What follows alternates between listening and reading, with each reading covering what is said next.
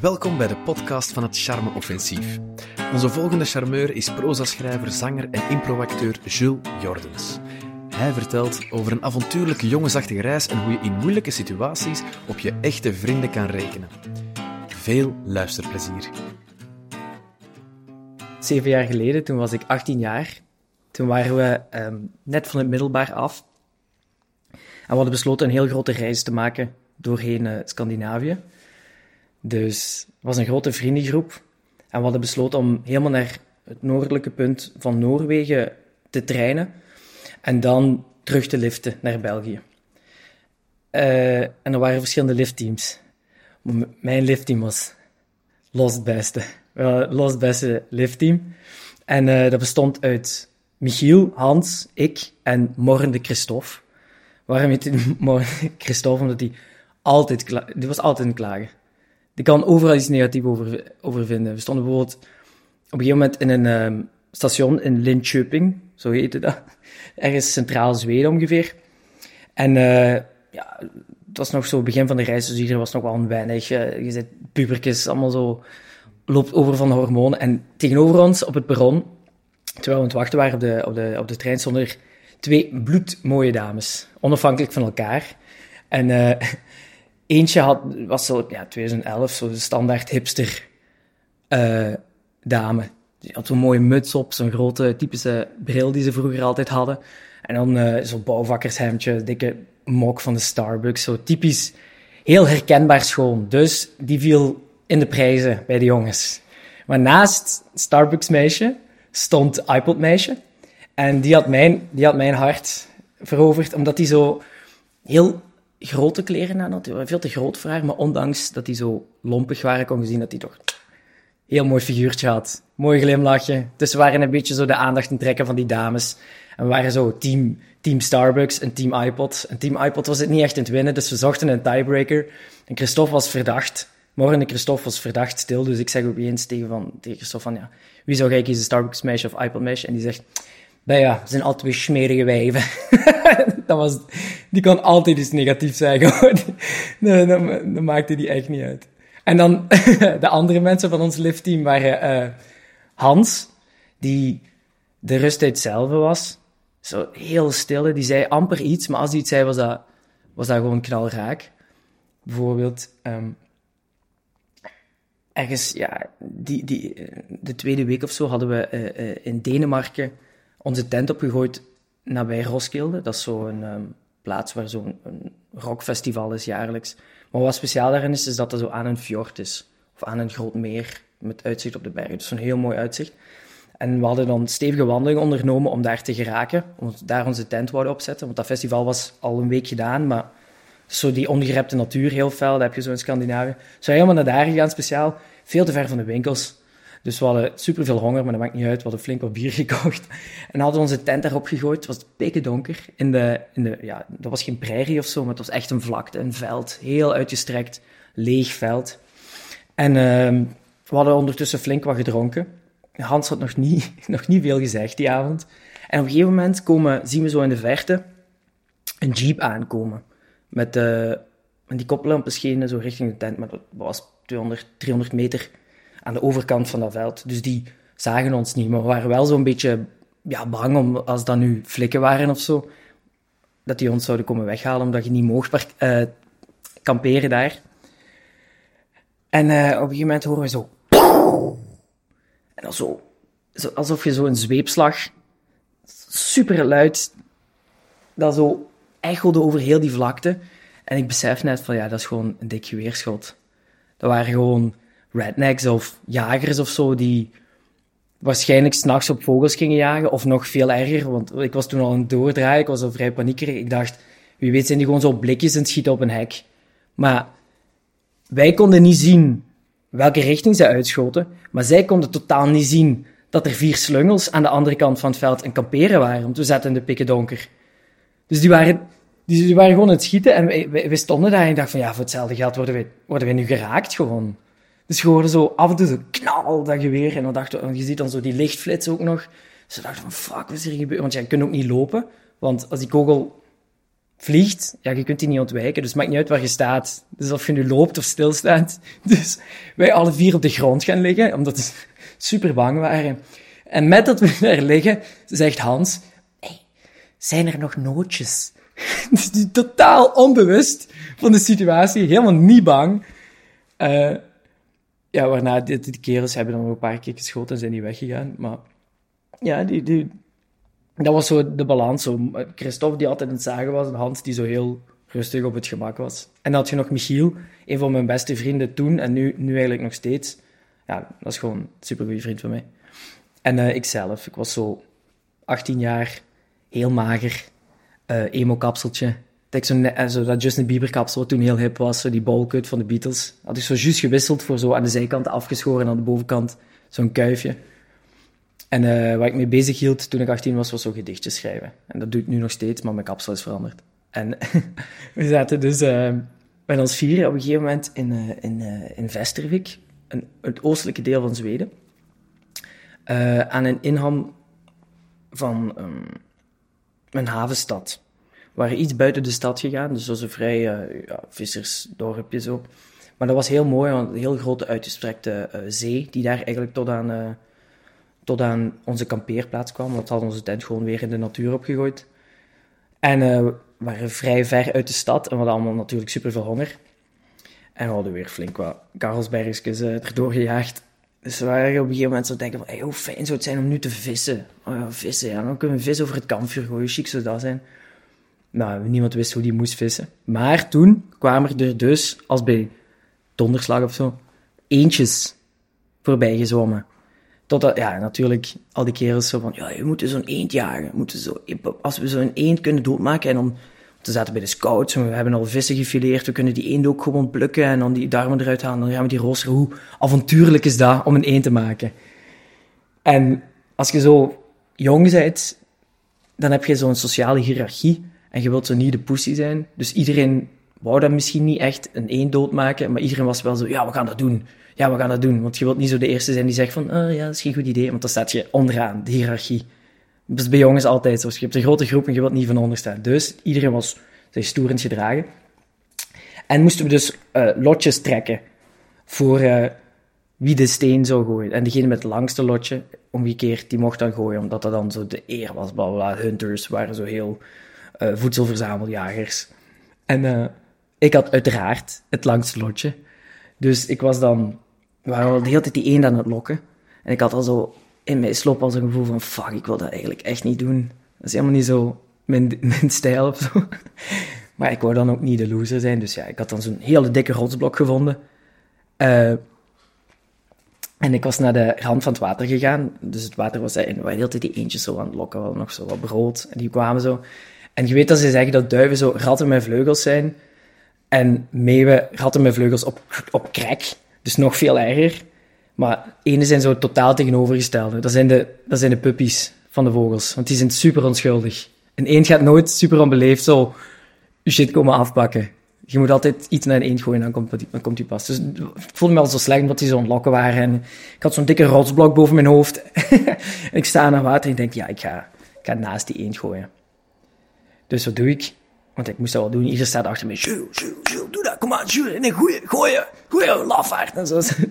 Dus ik gooi die steen, maar dan naast die eend. Maar uiteraard, die eend blijft niet zitten, want die schrikt op en die vliegt weg. Maar met dat die wegvliegt, valt die steen op die eend. Dus ik zie die zo samen met die steen zo naar onder gaan. En ik denk, fuck. Shit. Oh, dan vergeet ik nog zo die, die, die angst en die, die wanhoop. Zo van, fuck, wat heb ik gedaan? Ik voel me zo, als, als je zo als kind met een goudvis zo zou spelen, je haalt die uit het aquarium en je zit ermee in het spelen, maar dan besef je niet dat die vis doodgaat. Dus dan is opeens die vis dood en dan zit je zo aan het huilen. Allee, zo, als heel jong kindje. En zo voelde ik mij weer dat ik me zo had laten, laten doen of weet ik veel wat. Um, en in een flits kwam dus ook dat beeld voorbij, dat, ik, dat we daar op dat veld stonden, dat we superveel chance hadden gehad, dat we niet omvergeknald waren door, door zo willekeurige weerschoten. En uh, toen kwam die eend gelukkig terug boven water. En toen was ik super opgelucht. En toen, ja, Christophe uiteraard, wat de fuck, ja, gooi er toch te goed op, joh. Hoe scheel zijt je? Die was super lastig. Hans was vrij stil. En uh, ja, ik werd daar niet, ja, ik was heel opgelucht, maar ik was ook blij dat ik had gegooid, dat ik die zo uh, een poesie was of zo. Maar daarna zaten we aan het kampvuur en was iedereen zo aan gaan slapen. En zat ik bij Michiel nog, een, van mijn beste kameraden. En uh, ik had tegen die gezegd van, ja, ik heb voor expres naast die eend gegooid. Ik die eigenlijk helemaal niet raken. En Michiel zei zo, ja, wist dat. Ik zag dat. Ik zag dat, dat je dat niet ging doen. En toen wist ik dat dat een goede vriend van mij was. Dat is het verhaal. Hoe een eend niet vermoorden je kan laten zien wie je beste vrienden zijn. Gilles is een ras-echte verhalenmaker en vertelt die verhalen via muziek, beeld en woord. Check zijn band El Junke en lees zeker zijn eerste gedichtenbundel Vinstermink. Ten slotte stelden we hem nog één vraag. Wij heet dan het charme offensief, niet het charme defensief. Waar voert jij je strijd? En uh, hoe zorgt jij ervoor dat de wereld misschien een beetje leuker wordt? Mm. Ja, ik heb zo het gevoel dat nu alle vrienden die ik had, van toen ik 18 was, 19, uh, eh, die ik heb leren kennen in de studententijd, die zijn nu allemaal beginnen werken, zwaar beginnen werken. Ze zijn allemaal architect of uh, eh, IT'er of weet ik veel wat. En die zijn allemaal precies depri aan het worden. Allee, ik heb zo het gevoel dat heel veel van die mensen um, niet ongelukkig of verzuurd of zo, maar wel in een, in een sleur geraken waar ze niet op voorbereid waren of zo. Dat ze mm. moeite hebben met die overstap van student naar uh, werkmensen gaan. Dat er wel zo over het algemeen die gedachte is van. Um, uh, dat ze het allemaal wel gek vinden dat iedereen 36 uur werkt in een week, maar dat ze het toch doen omdat iedereen het doet.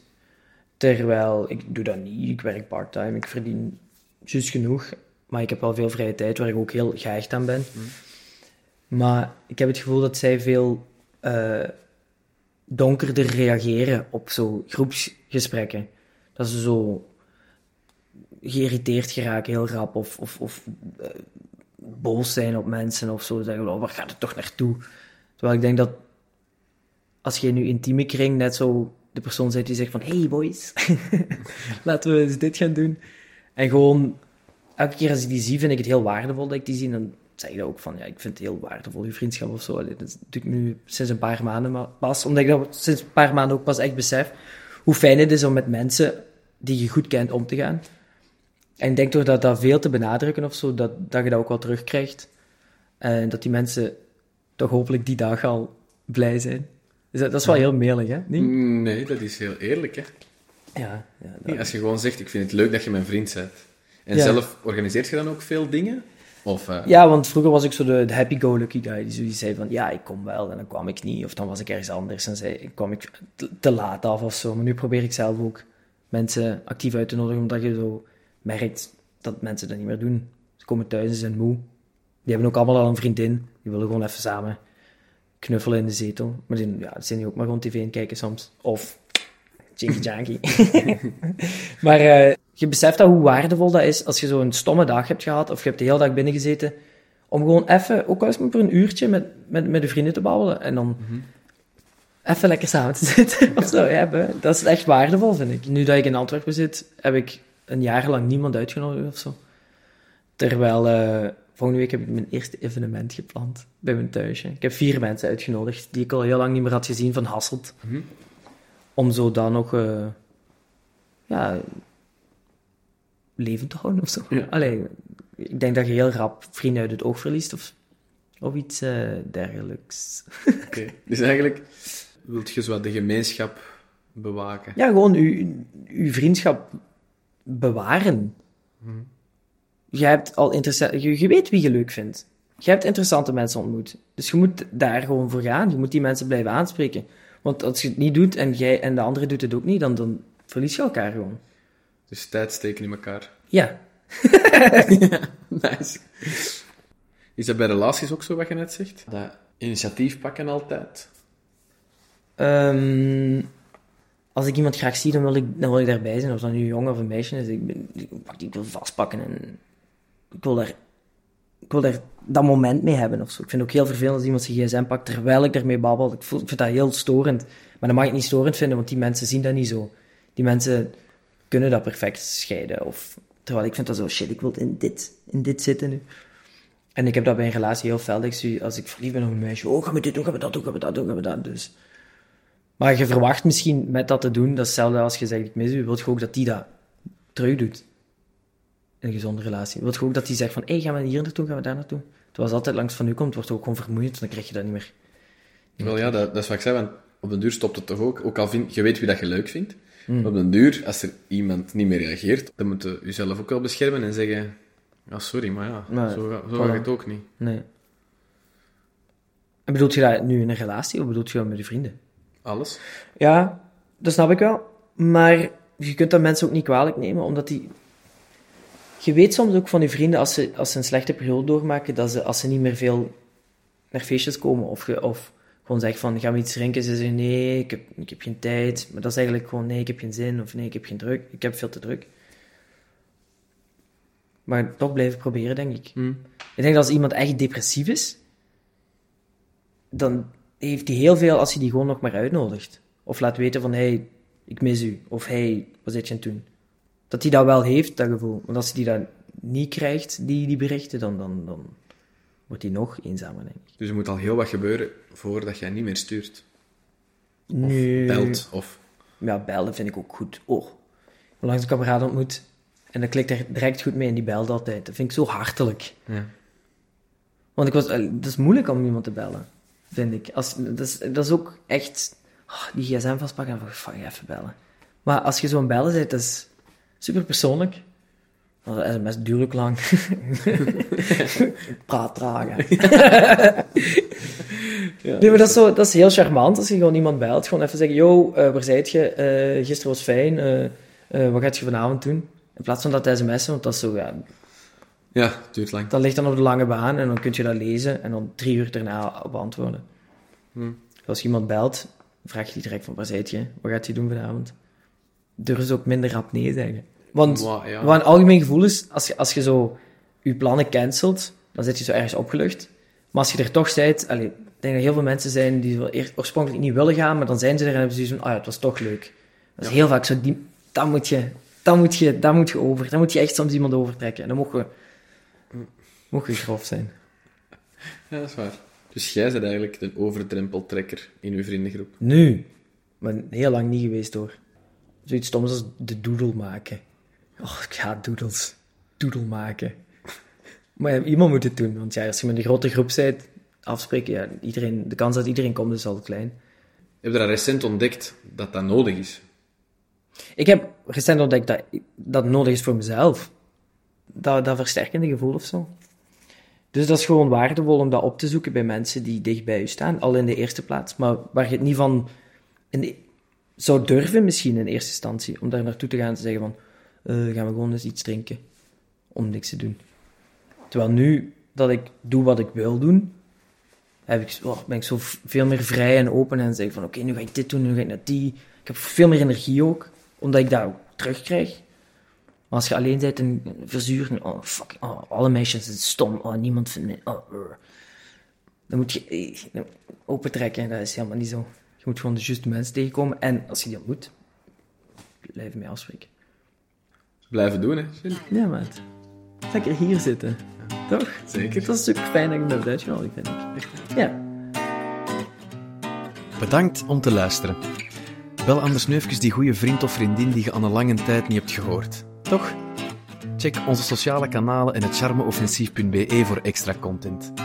Nog een dikke merci aan Jules en voor jullie een goede morgen, goede middag, goede avond en een goede dag.